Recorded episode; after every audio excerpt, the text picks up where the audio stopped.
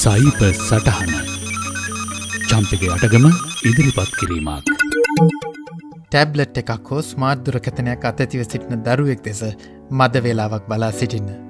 එම තිරෙන්නේ නාලෝකින් නිමග්න වෙලා තමන්ගේ දල්වාගත් ඇස් ඉතා වේගෙන් තිරය මත දුවමින් ඇගිලි තුඩු මගින් තෙරේ සමඟ ගණුදනු කරමින් වෙන්නම ඩිජිටල් ලෝකයක සිරව සිටනා ඔවුන් ගැන ඔබට කුමක්ද සිතෙන්නේ.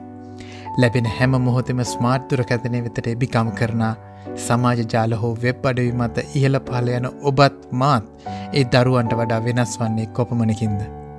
තිරමතට යොමුණු බාල තරුණ මහලු සැමගේ සාමාන්‍ය අවධාන කාල පරාසය එකැනෙ ඇටෙන්ෂන් ස්පෑන් එක තත්පර අටක් දක්වා අඩුවී ඇති බවප දන්නවාද.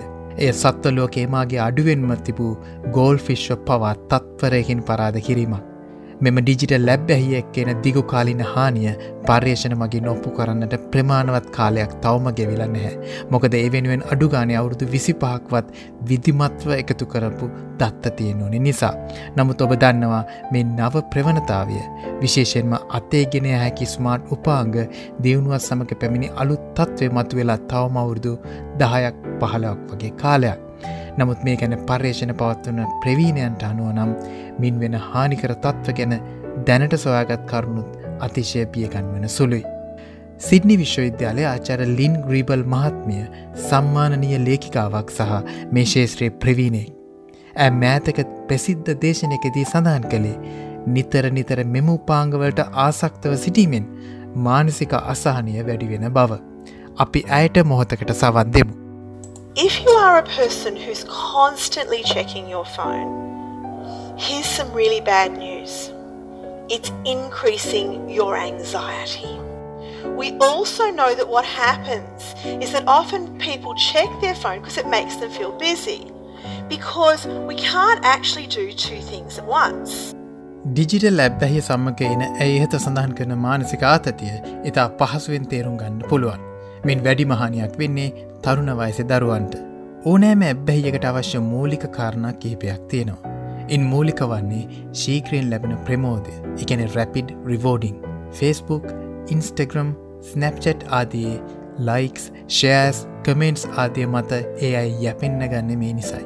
මේ මොහොතේ මොලේ නිපද වෙන ඩෝපමින් රසායනිකය සූදුව සහ මද්‍රව්‍ය ආදිය භාවිතයේදී ඇතිවෙන රසායනිකයමයි. ඇබ්බැයි ඇති කරන මූලිකම සංගටකයක් ඩෝපමින්. එවගේම නිතරම සමාජ ජාලා තුළ තමාව ඉස්මතු කරමින් අන්න අගේ අවධානය අනිසි ලෙස ගැනීම නාසිසම් කියන මානසික තත්ත්වයේ මූලික රෝග ලක්ෂණයක්. මේ ඇබ්බැහි අවසානය වන්නේ සමාජීය ආර්ථික කාරණාවට අමතර මානසිකවත් පිරිහීම.